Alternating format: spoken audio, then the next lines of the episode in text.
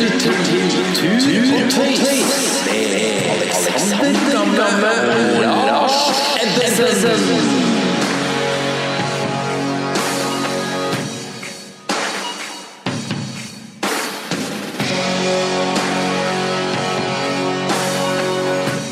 Der er du, og der er jeg. Og hallo, hallo, Lars. Hei, hei. Hei, Hei.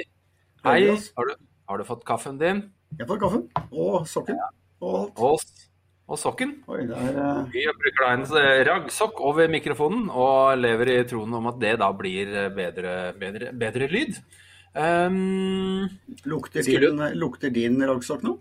nei, det er ungenes Jeg har en dobbel ungeraggsokk på, men det, det lukter det er ikke, Jeg tror ikke det er den som lukter, for å si det sånn. Er vi på nå?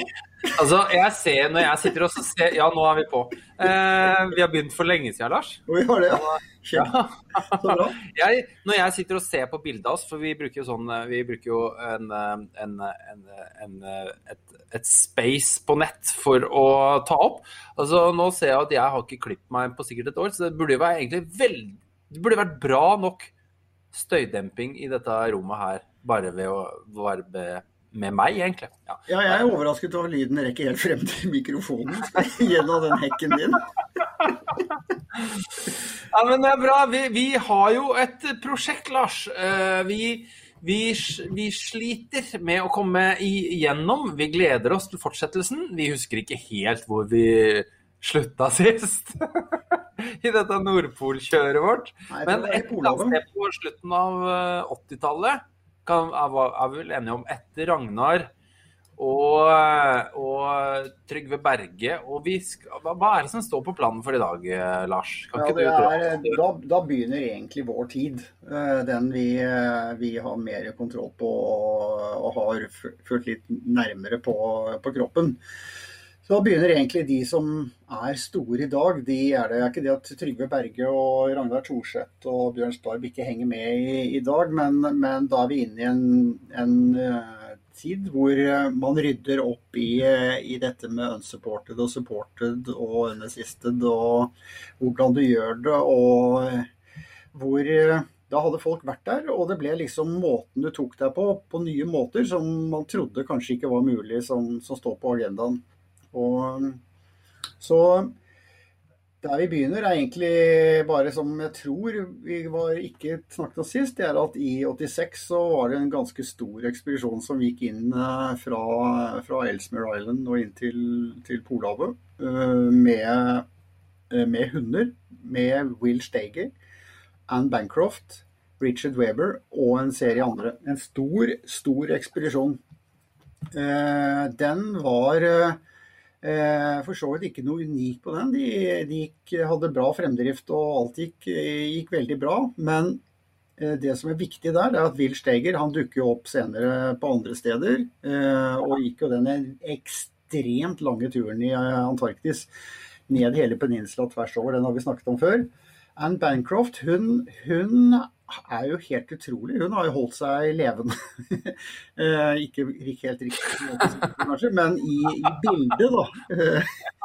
Eh, helt frem til i dag. Eh, bondet jo veldig med Liv Arnesen, og de to jo, har gjort mye, mye stort og mye morsomt sammen. Og det er jo blitt et sånn polart radarpar, de to jentene der. Men Anne begynte jo fryktelig tidlig. 86 er, er tidlig å dra til Nordpolen. Ja, det er øh, Nå veit jeg ikke helt hvor gammel hun er, men hun var ikke gammel hun heller, holdt jeg på å si. Altså, jeg var i hvert fall ikke gammel, øh, men, øh, men øh, Ja, det er en tidlig. Det var et sånn polart egg. øh, som ble tatt med og ruget ut i Polhavet. Øh, og, eh, så hun var jo tidlig i gang. Jeg er veldig glad hun ikke forstår antagelig Jo, hun forstår antageligvis eh, mye norsk, men eh, jeg er glad hun ikke Antageligvis så hører jeg ikke på tur og tøys, men hun er et polaregg som ble ruget ut et eller annet sted på 80-tallet. På Ja. denne turen av Will Steger. 80. 80. grad. Ja. Ja, nei, men det er greit. Altså, er, men jeg har nå, nå er vi, Det blir fort en digresjon, men 1986 det er sånn merkeår for meg. Um, Hva Altså, ga Beatles ut da? Beatles, hallo. Eh, John Lennon var skutt for lenge siden. Men, eh, men eh, husker du noe sånn stort Altså, 1986 husker jeg egentlig veldig godt. Det, det var For jeg, var, jeg har alltid vært sånn romfartsinteressert, så det, jeg er ganske sikker på at det er Chal Åh, nå står det helt stille. Challenger eksploderte jo. Det var i 86. Og så er det Tsjernobyl er jo i 86. Ja. Og så er det noen av de der legendariske 80-tallshita eh, som jeg ikke husker helt. Altså, Take On Me var vel i 84. Og så kom jo eh, det er, Vi er liksom på den tida hvor du er på sånn eh, sånn eh, Hva heter det der eh, dataspillet hvor du skal Nei, det er også litt Ja, nok om det. Eh, Polhavet, ja.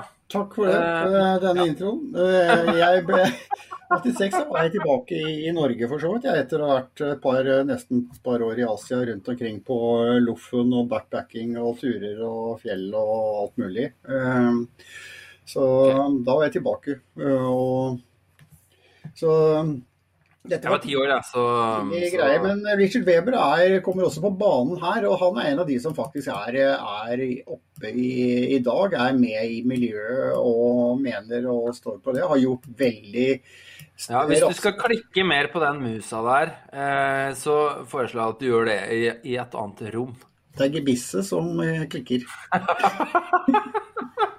OK, da. Eh, ja, jeg er helt enig. Jeg trenger ikke, ikke klikke eh, på Richard Weber. Men han er jo eh, og her er jeg litt usikker på hvilken generasjon vi snakker til. Vi har vel ikke noe, fått noe sånn demografisk nedbrytning av de, de nå 14 eh, lytterne våre. Men Richard Weber er jo faktisk en internasjonal langrennsfyr. Fra den tiden hvor Gunde Svan og, og den gjengen der holdt på.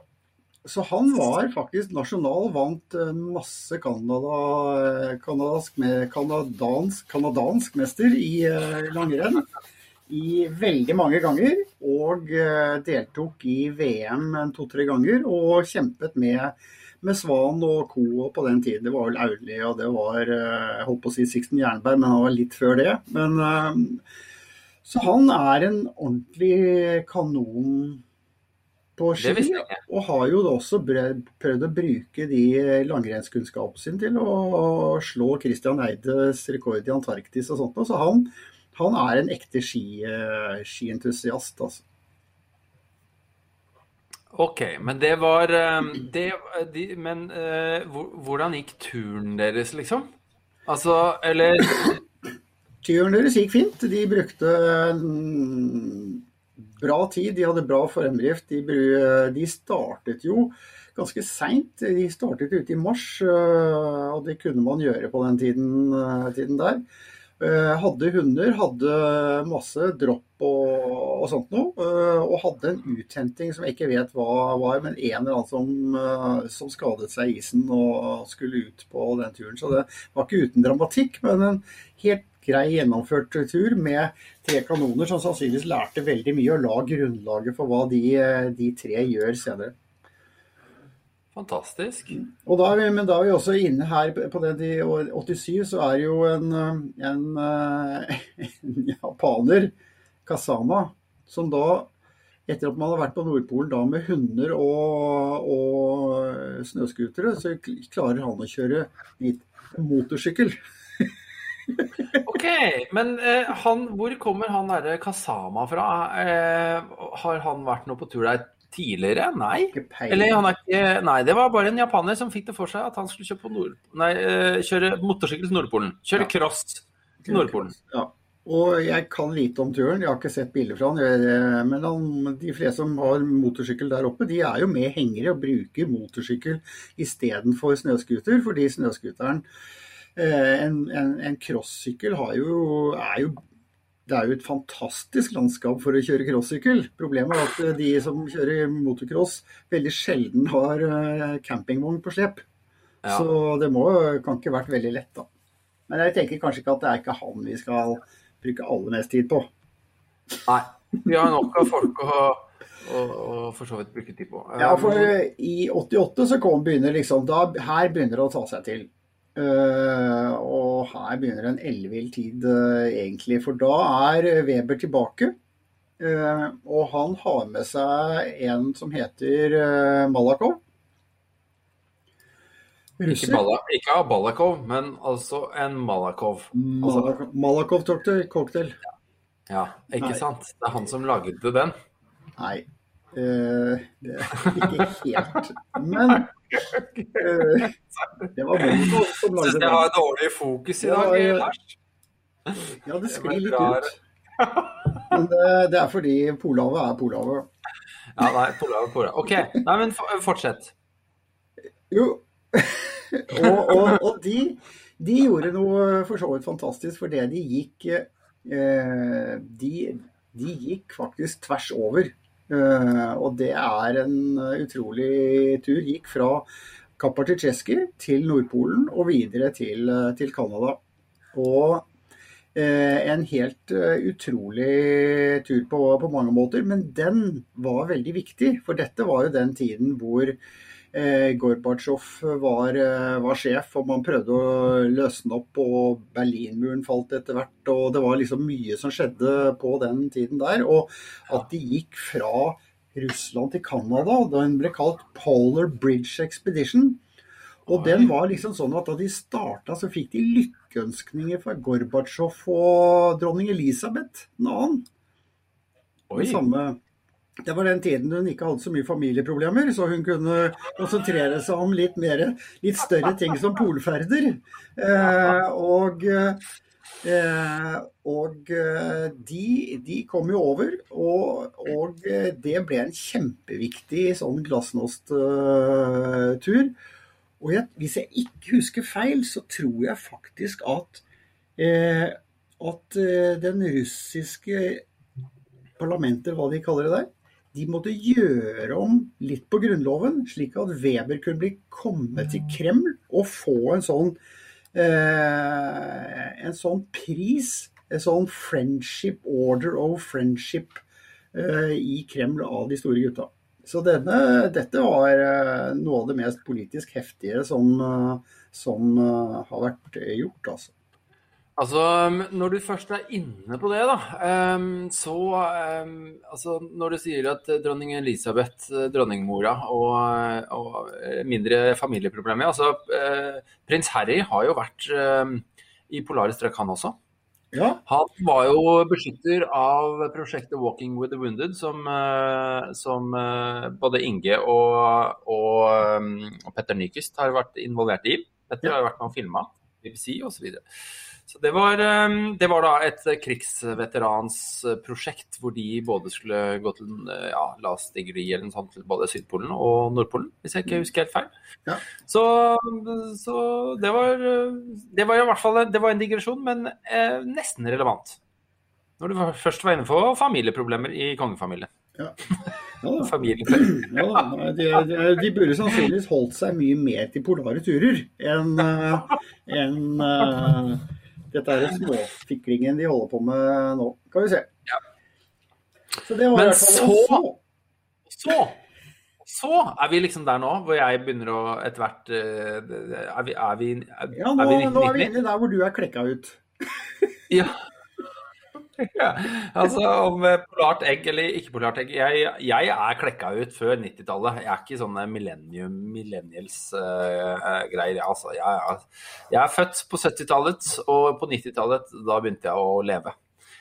Uh, men jeg er fremdeles før min russetid. Så her uh, sitter jeg dypt nede i et eller annet eh, videregående pensum, mens eh, den norske polaræraen våkner i en eh, ny dimensjon, kan vi vel si. Ja, det, det kan du virkelig si. Altså, den, eh, den turen til Auslandet og Kogge og Geir eh, Randby, den, den vekket vel på mange måter eh, Norge til Polhavet, kan du si. Og så står jo eh, den turen altså det, det, Et av de første tingene som jeg, jeg tenker på med den turen, er jo at eh, altså det, vi, det vi prater om, det er 1990. Det er Austland, det er Kagge, det er Randby, eh, det er Nordpolen.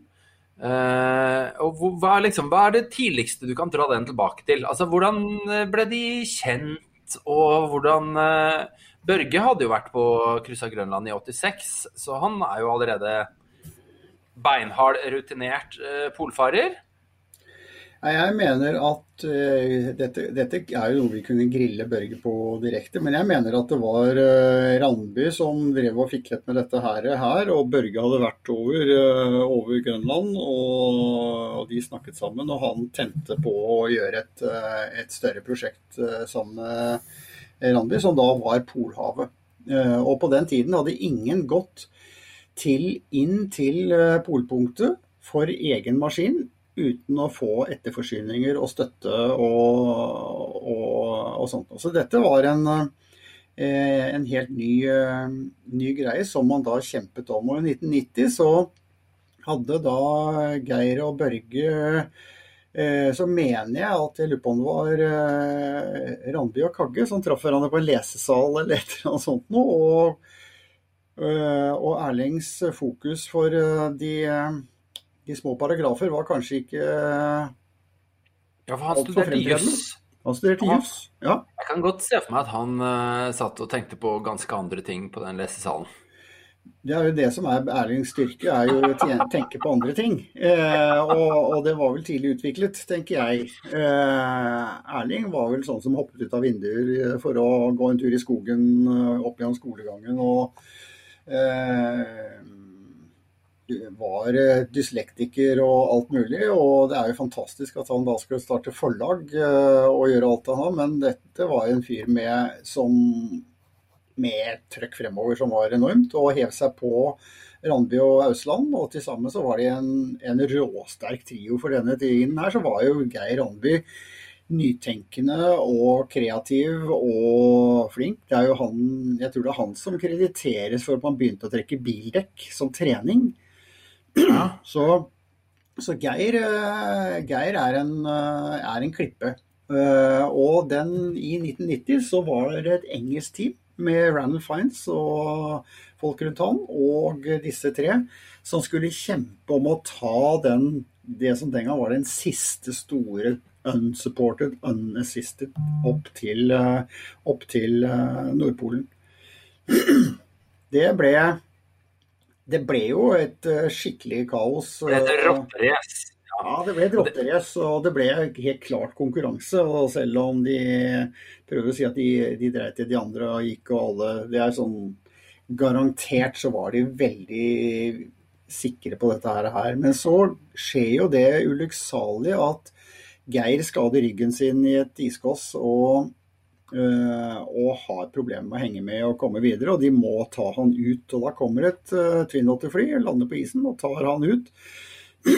og Erling og Børge går ikke i nærheten og tar ikke et eple ingenting for å holde dette unsupported, uh, unassisted greiene levende. Og, og Geir går ut, og de to gutta fortsetter. Og um, det er jo blitt en god del diskusjoner om uh, i, i etterkant. Uh, Så dette er jo litt sånn eh, oppløp Nei, ikke sånn, men det er jo sånn et umulig tvilstilfelle i sånn unsupported verden, er det ikke det? Altså sånn eh, det, det er i hvert fall duka for diskusjon til sikkert sånn evig tid for de Ja. som gidder. Det blir litt sånn, det blir litt sånn Klebo på oppløpet, liksom. Uh, Hva, er, det, det noen sannhet her? Men det er klart at per i dag så vil man jo se på en, uh, en uthenting så- om det som, som støtte og hjelp. Ikke sant? Det vil man på den tiden der. Så, så, så nå har man vel sagt det at de fikk, fikk den støtten. Og det er jo klart en støtte å bli, få noen fløyet ut. Uh, Det, men det på den tiden der så gikk jo krigen med at engelskmennene mente at de hadde brukt Geir Randby som en sherpa eh, på første bit. Og okay. bare brukt han nådesløst, og så sendte de han ut med en påstått skade. så? Det, det ble en veldig teit uh, greie, dette her. Og engelskmenn er jo eh, kjempegode tapere. Ja, ja, det, det ser vi jo gjennom Så- historien. så det- eh, ja. At det er gjennomgående, det. Altså Ja, at de og det, det er gentlemen's agreement og alt det der, der uh, up my forskjellige steder. Uh, men uh, det som skjedde, var jo at Erling Det som jeg husker best, var at Erling Dette snakket vi med, med Børge om Nei, med Erling da vi hadde han på podkasten. At de, de gikk oppover, og så ble det radiotauset. Så var det helt stille i 14 dager. Og Ja. Vi, og det er jo ikke helt innafor heller, fordi folk var jo livredde og lurte på alle, alle mødrene gråt og alle og pressen var fortvilet. Og alle var jo helt i harnisk, ikke sant? og de gutta bare ga faen totalt faen. Ikke? Så de sier jo sånn nei, vi sparer batteri, vi har også litt batteri igjen, at vi måtte spare det og sånn. Alle vi her hjemme sa bare OK, dette gjør de, nå pusher de som faen, nå skal de bare knekke engelskmennene psykisk, ikke sant. Så vi var sikre på at det var taktikkeri. Og så Men kom det jo, Ja, så kom, nei, nei. kom det jo frem, da. Og viste at dette her faktisk er innafor, at det er mulig å gjøre dette uh, uten, uten å få dropp av mat og, og sånt noe. Engelskmennene kom jo aldri frem, de måtte gi seg til, til slutt. Og da ble det jo ikke diskusjonen noe mindre, egentlig. Og det som jeg husker eh, Nå er det en stund siden jeg leste boka, men, men den er ganske Den er, den er, den er kul. Og, og, og på, slutten der så, så merker du på en måte dette ekstreme konkurransejaget. Altså det, det, var, eh, det var et kappløp. Eh, og de gutta, eh, altså Østland og KG, de, de tyna det med så lange dager de bare overhodet klarte på slutten. Fordi de tenkte sånn at de hadde ikke noe oversikt over eh, britenes posisjon. Og det de ikke visste, var at britene hadde jo gitt seg eh, eh, før de siste dagene. Mens, mens Erling og Børge pusha på som bare rakkeren, og de tyna det og tyna det. Og jeg veit liksom ikke om de var på sånn 20-timersdager eller, eller De forskjøv vel kanskje litt på døgnet, så de gjorde ekstremt lange etapper, og de var Du kan lese det av ordlyden at, at eh, de er helt eh, kjørt. Og de hadde den attituden at er det én gang i livet liksom vi skal bare dra oss ut av de posene og, og, og tyne det så langt vi bare kan fysisk, så er det faktisk for å vinne dette kappløpet. Og da hadde, de, da hadde britene allerede gitt seg. Ja. Så, så Ja, det var en morsom, morsom tur på veldig mange måter. Altså, de, de eksperimenterte mye. De hadde, hadde ting som de i dag fremdeles sier at de kunne nesten gått med det samme i dag. De hadde jo ikke bindinger og sånt noe. De hadde disse her slags sånn, sånne kalosjebindinger sånn som barn har eh, på første skiene sine, liksom. Og de hadde slik at de kunne lett gå inn og ut og raskt og enkelt og, for å slippe brudd eh, på, og tretthetsbrudd og, og sånt. Så de tenkte interessant, og de tenkte eh, bra. Det er mye morsomt ved den turen som gjør at den, den står ut på fryktelig mange måter. Altså. Og ikke minst så er det jo to, eh, og med Geir, tre ekstremt fargerike karer som jo har satt, eh, satt farge på mye rundt seg i etterkant også. Altså. Jeg, når jeg tenker tilbake på den turen, altså jeg var ikke noe polarinteressert på den tida, men det jeg liksom eh, setter den i den konteksten, og det som jeg vet jeg har lest, det er jo at altså der, Vi har jo sagt det, men fram til da så var det bare støtte og flydroppturer til Nordpolen, eh, med eller uten motor, med eller uten hunder osv. Mens dette her var, var da den første uten, uten noen eh, support. Eh, men det var jo også i forbindelse med denne turen her, så var det folk som mente at dette her faktisk var umulig.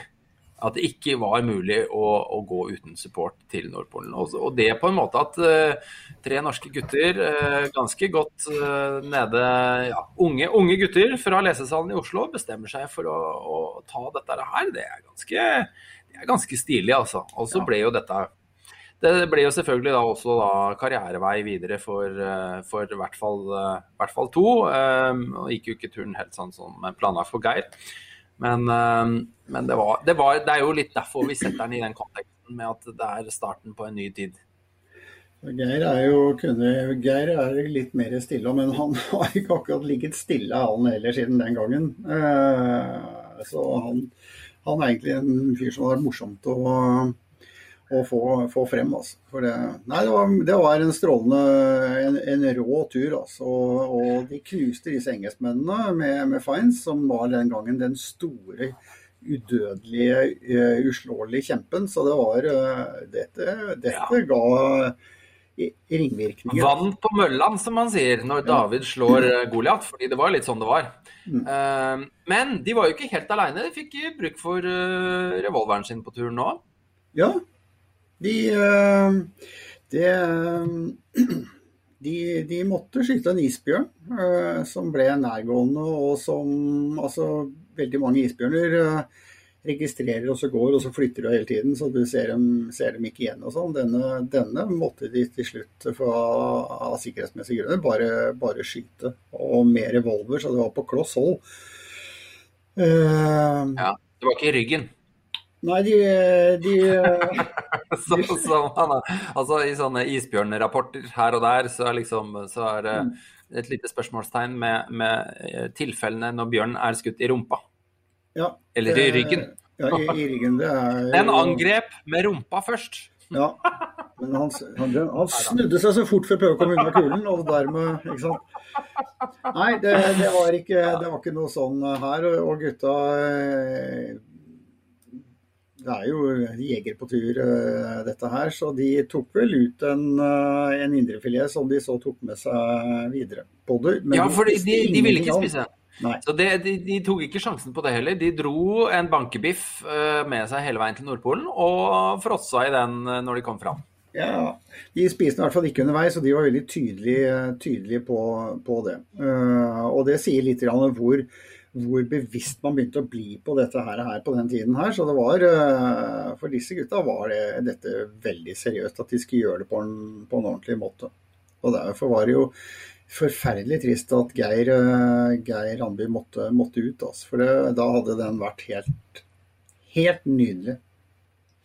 Men så skal vi jo da videre. Og da skal vi over til uh, Et skikkelig durabelig år. Actionår. Ja, dette er, år, dette er altså eh, det året med høyest underholdningsverdi i, eh, i Polhavet ever. Eh, det er helt fantastisk. Og vi skal bare ha Sjur mødre inn i denne, denne podkasten en gang, og sitte og kaste ball med Sjur på rare ting som har skjedd. Eh, skjedd. For Sjur har opplevd alt Først så startet jeg Hvitserk sammen med Sjur og, og, og, Martin, men Sjur var jo da en, en klipp i dette her. Og jeg tror vi kan fylle åtte podkaster med, med, med, fortellinger fra starten av Hvitserk eh, og ting som ikke egner seg på trykk, som man bare kan ha på podkast. Så eh, helt fantastisk. Men denne turen her ble, ble viktig eh, i 92. Det var eh, det var jo eh, brødrene Mørdre som hadde vært eh, tvers over Antarktis eh, på en fantastisk tur, transantarktisk tur. Hvor de gikk da inn det har vi snakket om før, inn til Nordpolen med hunder og en serie andre. Og så gikk de og en til, Hallgrim Ødegaard, som var fotograf, ut på andre siden og krysset Polhavet kyst til kyst på, en, på den ordentlige måten. Og, og nå, i 92, så hiver de seg mot mot Nordpolen, og blir med det, for å ta det litt i feil rekkefølge, de første nordmenn til å gå til begge polene og nå begge polene til fots. Det stemmer. Mm. Det, det, var liksom den ene fun facten jeg hadde funnet fram, men nå tok du den. Så bare fortsett, okay, men... du. Jeg bare går og henter meg en kaffe, så bare Nei. Nei, det er fantastisk å høre hvordan du bare drar igjennom. Drar igjennom, drar igjennom. Ja, jeg, jeg, jeg, ser, jeg, kan se notatene dine her, skjønner du, så jeg sitter og tenker at jeg skal komme an i forkjøpet. Og her sto det bare én første nordmenn, sto med strek under, og tenkte at da så da kan vi gå videre til neste tur. Nei da. Men jeg kan legge til da at uh, altså, når vi først er inne på Simen, Simen og Sjur, uh, to, to, to, brødre som også starta tidlig. og Vi nevnte jo at Børge uh, kryssa Grønland i 86, og det gjorde jo Simen og Sjur også. Ja. Og det er ikke en tur jeg har hørt egentlig noe om, men de var fire stykker. Uh, sammen med Kai Knutsen og Vidar Sie. Eh, Veit ikke så mye om turen, men det vil, jo, det vil, jo, si at det også da var på en måte ilddåpen eh, til brødrene Mørdre, som for, for, for alvor. Og, og, eh, og, som da eskalerte til den der transantarktiske megaturen med Ralf Høybakk og Herman Mehl. Ja, altså det var de gutta hadde baller til å kaste seg over. Det er helt enestående. De var unge, akkurat som Børge og Erling på den tiden eh, der, og de, de var ikke redd for å sette seg enorme uh, mål. Altså. Og her har vi også inn det som kommer uh, også med både Østland og Kagge og Mørdrebrødrene, at her kommer folk som er gode skiløpere og sterke brødrene Mørde, de vil du helst ikke gå på ski med. Eh, eh, de gutta de er sånn som kjempet med Vegard Ulvang i juniorverden på langrennsski og, og sånt noe. Og hvis du har sett leggene til Skjul, så tenker du at det kan aldri brekke. Det kan ikke brekke. Eh, ok.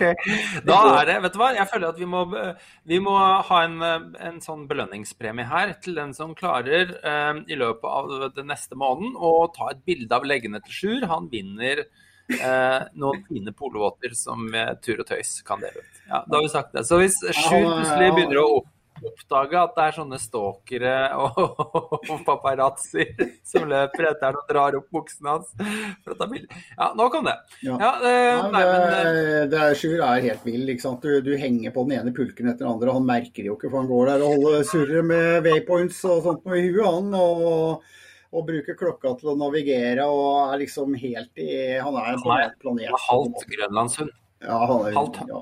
husky, halvt ja, grønlandshund ja. og halvt mørdre. Men denne turen her, da, den var jo helt Den er litt sånn spesiell, fordi den, den, den er jo fire stykker. Det er uh, Mike, Mike uh, McDowell, som er kjent fra Ani, ALE og Antarktis og, og hele den biten der, som uh, er en friskus. Ja, er det Å oh, ja, det er Mike? Og, og, ja, Mike fra Australia. Ja. Og så er det eh, Martin som var sistemann, Martin Williams, som var den siste som hadde en del erfaring og kunnskap og sånt noe, og, og mye dreide seg om han. Så de delte tingene mellom seg. Eh, eh, Martin det var han som skaffet hundene og hele den biten der, så han fiksa hunder. Og Sjur og Simen i kjent stil fiksa alt det andre. ja, og, og, Mike uh, var fra Australia. alltid villig til noe, noe sprøtt, helst ordentlig sprøtt. Og da er det jo å bli med når du ikke kan gå på ski. så er det selvfølgelig da fint å begynne i Polhavet. og Mike som den ganske fargerike personen han noe av det Sjur husker best, er vel at han lærte utrolig mye dårlige ord på engelsk og eh, australsk. Ok. Og eh, fordi han datt jo hele tiden og ramla av disse skrugarnene. At han holdt, at han ikke brakk noe sånt noe, er helt ubegripelig. Det var en litt sånn klovn i det hele, som stavra rundt og snurra og ramla og sånt noe. Og da kompenserte med et og jeg har truffet ham, ekstremt fargerikt ord. Eh, og hvor nok i disse tider, bør vi kanskje ikke si det, men hvor det nok det kvinnelige kjønnsorgan sto sentralt i å uttrykke hvordan han uttrykte seg om hva han mente om Polhavets uh, egnethet for, uh, for tur. Ja, nei, men da, da trenger vi å Og så kan vi overlate eh, til fantasien. Eh, eller ikke. Men vi trenger ikke så mye fantasi, faktisk. Men, eh, men jeg, tror jeg, jeg, tror jeg, tok den. Og jeg, jeg er jo litt den, ja. treig. Ja, ja, da går vi ikke videre på det. Men disse her. Men eh, Martin har skaffet hunder, da.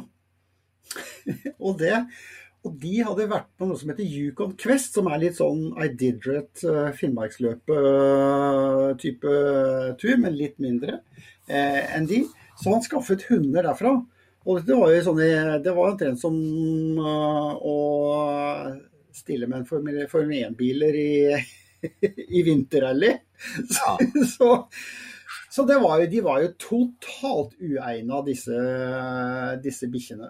Og for at de alle sammen skulle komme på samme planet, så dro de opp til, til Whitehorse uh, oppe i Canada for å akklimatisere seg. Men det var en sånn derre merkelig start på global oppvarmingen, med en test på den globale oppvarmingen i Whitehorse den, den uh, våren der.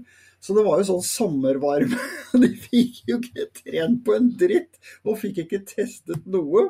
Og plutselig så var de, så var de på startstreken. Og så gikk de med pulk første graden, de, for det var på så dårlig is, og skulle de få fløyet inn hundene etter første graden.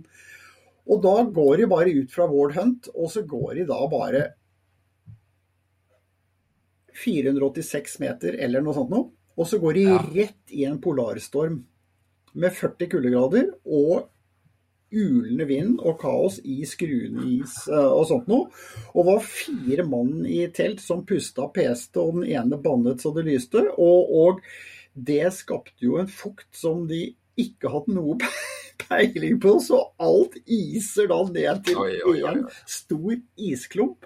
Og Sjur forteller om dette, du kan le deg i hjel hvordan dette her sjokket med å ikke skjønne ising og sånt nå. Alt gikk i soveposene. Og Sjur forteller at eh, han, soveposen hans den fikk han akkurat ned i en 100 liters ryggsekk. Å, såpass, ja. Det var ikke så kompresjonstrekk på den tida, Nei, kanskje? det, det var ikke, og Det var i hvert fall ikke tun. fullt av is og det var ingen sjanse. De bare beit tenna sammen og holdt på. Vi lærte fantastisk mye, eh, og det gjør man jo. Men, eh, men det var helt enestående. Eh, Det, og Så kom de over første graden, og så fikk de da eh, inn hunder og, og renset opp litt, og så gikk det for så da hadde de hatt så sinnssykt Den hadde vært så kompakt, den som sto og pusha på Canada, den polisen, at de hadde ikke sett en råk. Og med en gang de fikk inn hunder og alt sånn, når Sju skal gå foran, så det kommer til en sånn litt sånn åpen is, så går den jo bare rett igjennom på første forsøk. Jeg har hørt om det. Andre, også, andre har også vært uheldige sånn. Ja, det kommer vi tilbake til, gjør vi ikke det, Lars? Nei, jeg tror ikke det. Det var også et underholdningsbidrag eh, litt seinere på 98 som, eh, som vi kan gå i dybden fordi hoved, hovedaktøren sitter her. Men, eh, men husker eh, vi kan vente litt med den, da. Nei. Ja. Men, Men- eh, det er i hvert fall det Så det var helt Han gikk da i en, en råk etter første, første depot og, og sånt. Og, og, de, og, og det utrolige da, ikke sant, det sier litt om hva Sjur Mørdre er, er lagd av. Det første så merker han jo ikke at han er på 4 5 6 og 7000 meter, og så merker han eh, knappast kulde. Så da han da bare stilper på isen der, tar på seg noe rent tøy og går videre. Så som om ikke noe har skjedd, ikke sant? Helt ubegripelig. Men han ble i hvert fall trukket opp og, og levde, og kom, de kom videre og, og sånt. Og så det, går det egentlig ganske fint innover, og, og det var en eh, Jeg tror det var med Mike så, og, og de gutta der, så må det ha vært en veldig morsom og fargerik tur. Altså. Det tror jeg var en kjempetur på mange måter. Og det er også en tur hvor Sjur fikk så mye erfaring. Han, han mener at Perry har belegg for det han sier når han sier at han var på, på Nordpolen og klarte det. For Sjur så hvordan bruke hundene riktig og lese isen og sånt, og at du kunne virkelig gjøre utrolige distanser eh, der. Så Sjur har, eh, er ikke negativ til at Perry faktisk klarte å si eh, det han, han sa. Interessant. Mm. Høyst interessant. Så det, eh, men så, så begynner de det de begynner da skal opp og Dette er med depot og alt sånt. Nå skal de opp til Og så ja, det, det, Vi må få Sjur til å ta denne i detalj, men de har da finansiert turen ved at 13 mann skal møte dem i Polhavet og komme seg til Nordpolen. Ok, så de skal liksom guide en eh, Nei, siste men de skal etappe her? og møte dem da, ikke sant. Og så flyr de inn der i, da, rett i nærheten av Nordpolen på siste greie, så kommer de inn. Og, og da eh, er det med 13 mann, hvorav tre av de skal hoppe fallskjerm Ja, det, vet det stemmer, stemmer det der. Det vet du sikkert du litt om. Og annet han Widerøe-sjefen eh, på den tiden, som var med inn for å få hoppa på Nordpolen eh, der. Og så er det, flyr de to Twin-Otter inn og lander med Mørdre og gutta. Og så står den ene Twin-Otteren og er liksom backup, og den andre propper da alle disse inn og flyr opp til polpunktet. Og skal de ta av og slippe disse gutta i fallskjerm. Eh, og og Sjur sier bare han sitter da, sitter da tilbake i depotet et stykke unna med den andre, og så hører de på radioen ja, yes.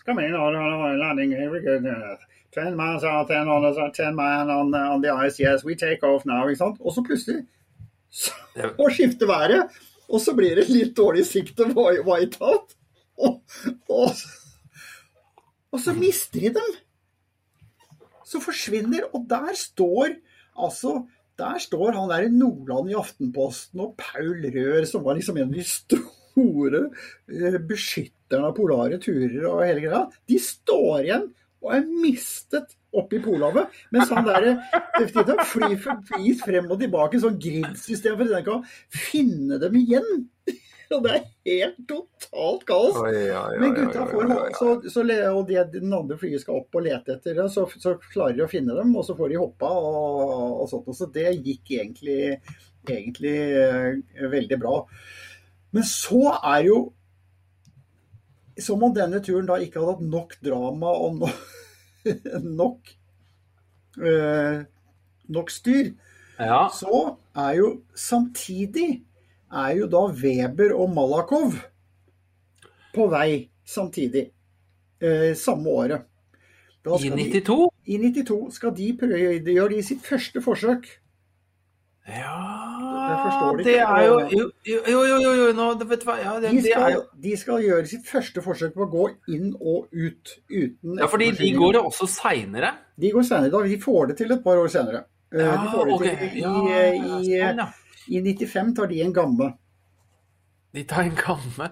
Ja, OK, men det kommer vi tilbake til. Men Ja. eh, OK, ja, fordi det, de, er, da har du de skal gå da, de tre, eh, det Weber, folk oppi der i Malakov 92, ja. og Mantel, Ja. de skal gå inn og ut igjen, de tre. Men så er Mantel ikke så jævla sterk og skjønner at dette, de er sammen med to av de verste gutta du kan være på tur med i Polhavet. Så han, han bestemmer seg for at han vil ikke mer, så han snur for å gå tilbake. Og da er jo de så skada av at, eh, at kaoset rundt, eh, rundt eh, Børge og Erling og, og den turen og unsupported, supported og hjelp og ikke hjelp og sånt noe, at han skal gå tilbake for ikke ødelegge for dem. Og så dukker jo ikke han opp. Så de finner den ikke. Så når de skal plukke den, så vet de ikke hvor den er. Så Sjur og de, når de drar tilbake, så bruker de den flighten ut til å lete etter den. Og da er han så redd for det, så da gjemmer han seg i et iskass for å ikke bli funnet. Så det blir jo helt kaos hele greia. Og det blir jo en, en sluttregning som sannsynligvis ikke var det beste for det vennskapet, som ble helt kaotisk. Men da leter jeg etter fyren som ligger musestille med sleden sin under en sånn overhengende iskasse. For ikke, for ikke å ødelegge den unsupported. Det sier litt om hvor, hvor ekstremt langt folk gikk for, eh, for det greiene på den tiden der. Det er jo helt totalt uhørt. Men, de, men de, de gutta de holder på 102 dager, og så til slutt så er det jo nesten ikke noe mer is å gå på. og De er ikke, de er ikke gira. Jeg har ikke forståelse nå for å gå i, i oppløsende is eh, og sånt, så de må da gi seg da likevel. Så der forstår ikke den noe sted noe særlig om den turen. Den ligger man litt lavt med. Og særlig kaldt. Jeg føler at det kanskje er litt seigt etter 102 dager å ikke komme fram. Det er helt forferdelig. Kan du tenke deg 102 dager i Ja, altså? Jeg vet ikke hvor eh, mye disse gutta her var opptatt av at navnene deres skulle bli stående igjen i historien, men altså hvis du har gått 102 dager oppe i Polhavet, og, og, du, og du innser at turen din bare kommer til å forsvinne imellom Du, du dukker ikke opp i et eneste Excel-ark. Ja, for jeg, jeg har liksom merka meg de seinere på 90-tallet. Men Ja. eh, at de gjorde et forsøk i 92, og det er jo også, dette var jo et eh, forsøk vel verdt å nevne. Ja, da. 102 dagers forsøk. bare nevne den der som en sånn morsom, for de kom igjen senere. Og det at Sjur og de måtte drive og lete etter han fyren og sånn. Altså, så den turen til Sjur, la oss si det sånn, den kunne vært skrevet store, tunge bøker om. Altså. Jeg tror det var eh, det, det tror jeg var en ellevill eh, tur. Og den var nok den som lærte Sjur. Gjorde at han er jo blitt en av klippene og den som har hjulpet flest og hatt størst forståelse for å eksperimentere og begynne med nye ting og sånn. Så, så det var en viktig, viktig, viktig tur. Han er vel antageligvis også en av de som har vært eh, med og sprengt flest folk opp i rød sone over Grønland. Ja. Helt klart. Helt klart. Altså, når du, når du er med Sjur på tur over Grønland, så gås det. Altså, det er eh, Sjur, er det. Sjur mener at en grønlandstur aldri skal være mer enn eh, to helger med litt kjøtt imellom. Eh, så eh, Det er, no, det er noen som har blitt uh, overraska litt over det, ja. Det Ja. er litt sånn, sånn uh, Men det er uh, Sjur i et nøtteskall på, på det. Han er fantastisk. Vi må få inn Sjur, for det er, eh, det er utømmelig eh, hva den fyren har. Men som om det Som om ikke det er nok. Som to ikke hadde hatt nok å by på!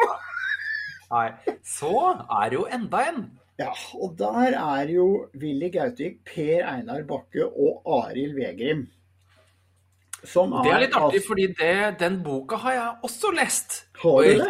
Ja, ja, ja. ja. Jeg tror den et eller annet sted inni her. Og, og det, for meg, når jeg leste den, så hadde jeg jo ikke hørt om gutta. Det eneste jeg forbinder med de gutta der, det er jo egentlig Willy. Det er jo Willy-kjelen. Den legendariske Willy-kjelen som man fremdeles Altså, det entusiastene fremdeles drømmer jo Dette her er jo egentlig litt sånn turnerdenes uh, Hva skal du kalle det? Holy grail for uh, altså, den originale Det ble jo lagd Willy-kjeler, og da skjønner sikkert ikke uh, de fleste vi hører på, som hører på, noen ting. Men Willy-kjelen var jo antageligvis da Willy Gautvik som lagde, og det her var jo litt sånn renessanse fra Nansens design, og en effektiv kjele, en snøkjele, med doble vegger eller et eller annet sånt, hvor du hadde da hvor, hvor lufta fra, fra brenneren gikk i et eh, resirkulert system, som da mest sannsynlig førte til ganske høy effektivitet på snøsmeltinga. Men det er det, så, Altså, jeg regner med Willy er ganske mye mer enn det, men det, det jeg skulle si var at jeg, hadde, jeg har jo lest eh, boka til gutta. Eh, og, og, og da jeg leste den boka, eh, om deres Nordpol-tur, så var det liksom sånn det kom ut av mørket. Jeg visste ikke om turen, jeg visste ikke om gutta. Men for et stykke tur! Altså det er, et, Det er sånn det mest mest- elleville noensinne. Altså, den, Skrekk blanda fryd eh, leser man den med. Og det er, det er, jeg tror jeg med hånda på hjertet nesten ikke kan Eller jeg, jeg kan nesten si at det er ikke så mange polarbøker jeg har lest med mer sånn hjerte i halsen. Fordi at de gutta der eh, Det var de var husker- spinnville. Jeg husker bare at eh, gutta ble Blant annet så ble de, de ble separert av en råk. De var ute. De var så ute å kjøre hvor de mista hverandre. Eh, og det var jo det var noe i mørket der, eller i hvert fall veldig dårlig sikt, jeg husker ikke helt. Men det var noen som drev og la seg til De padla og padla. Til slutt så lå de og eh, sov i en pulk på åpen sjø. Eh, og én var borte. Eh, ja, nei, altså, det var Når jeg leste det, jeg fikk helt vondt i magen. Altså, Nei, var altså, sånn det var helt det vilt. De gutta var jo totalt utemma. Altså, de hadde ikke stått i en De kan ikke stå til en lekegrind et sekund av sitt liv. øh, de gutta der. Det var bare helt Og det bare gønna ut fra, fra land der. Og i totalt spredt uorden. Og forsvant. Og måtte ringe til Obba og komme til Govdo, finne dem rundt og dra uh, regroup, og så fløy de over. Det er jo det som er vanlig ved, ved kappet der, at det er ganske stor isdrift, og det kan være mye, mye vann. Og de gutta var jo ikke redd for å prøve å bare padle over denne uendelige havstrekningen som da tilfeldigvis da var åpen. Så det var, eh, det var rått, eh, det der. Og så gikk de, og så ble jo Jeg husker ikke hvorfor, det husker kanskje du, hvorfor Arild ble, ble fløyet ut, men han han fikk enten en skade eller et eller annet, så han ble jo tatt ut på vei til Nordpolen i dette forsøket på å gå tvers over. Eh, og jeg var litt borti den ekspedisjonen der, og gutta hadde jo Altså, budsjettet var jo øh, Var jo øh, Altså, når, du, når telefonen din ligger der, så hører alle at den eh, Ja, det var ganske- jeg var ganske rask til å kutte den ut. Altså, Putt den ned i trusa. Er Effektiv eh, Jeg ser- jeg vibrasjonsdemper. I tillegg til at det kiler litt. Ja, det er, at jeg kunne kilt det vi holder på med nå, så det, jeg trenger litt uh, stimuli for å få Jo, opp denne, tempo- denne, denne turen her Men de, er men de, eh, så han ble jo ta, uh, Arild ble jo tatt ut. Og de var jo altså på en shoestring når det gjelder penger. Alt det var jo så dårlig, ikke sant. Og så finner jo uh, Arild ut, mens de gutta kommer seg til eh, Nordpolen og skal da fortsette på andre siden uh, og sånt noe, så finner Arild ut at nå er jeg fikk, fikk frisk og fin igjen. Jeg overrasker gutta ved å hoppe i fallskjerm. Ja! Så, så gutta er liksom Ja. Polen, fy faen, dette klarer Nå er det bare å gå siste biten inn til land og sånn, og da, da er vi økonomiske land. Faen, hva er det for en ny er. Her er det en fyr som hopper på plasser. Det er Arild, jo, ikke sant? Du bare poff, så ser du Ja, liksom det er helt rått. eksplosjon, disse små dollarsedlene som bare drysser nedover Polhavet. Helt, helt Ingen hadde fortalt han om budsjettet, liksom. Så han bare chartra Twin-Otteren, og så tok på seg riggen, og så tenkte jeg surprise, surprise! Ja. Jeg kommer, jeg blir med på slutten. Ja. faen, Det er helt, det er helt bananas. Ja, det er helt fantastisk. Men det sier litt om stå-på-viljen og vilje til eh, det hele og sånt når etter ha vært eh, talt ut én gang, at du da hiver spredt i opp skal ha, eh, være med på neste runde, det er jo helt, helt nydelig. Så det, det er den mest kaotiske av greia. De kom jo aldri, eh, aldri frem, fordi de gikk tom for eh, mat og tid og is. Og, Men skulle, skulle de krysse? Eller Ja. de skulle Ja. Ja, de var jo 100 dager Jeg lurer på om boka heter et eller annet sånn 100 dager på Polhavet. Ja, og, og de Eh, var jo, de var jo de måtte jo gå lett og sånt, og de hadde med seg for tynne poser og greier. og Jeg husker de fortalte hvordan de, de frøs så forferdelig at om nettene så satt de og tok situps hele natten. Tok situps for å holde varmen. Så de Ikke hele tre, natta. tre mann som sitter sånn med, med situps i ujevn mellom for å få, ikke hele natta, men jevnlig gjennom hele natten for å få varmen. Så de satt og, satt og trente sixpack i, i Polhavet for å, for å holde varmen. Og det, jeg, tror de, jeg tror de frøs og hadde det For at de sto i det greiene der, det er veldig imponerende. Altså. Fy fader ulland. Altså, nå er det jo lite, lite eh, loppemarkeder eller et eller annet sånt, men jeg bare tenker hvis noen kommer over den boka deres, 100 døgn på Polhavet eller et eller annet sånt, så, så kjøp den, fordi det det, det er seriøs bra underholdning. Altså, er, jeg tror det ryker inn på topp fem eh, polarbøker. Fordi- Polargalskap.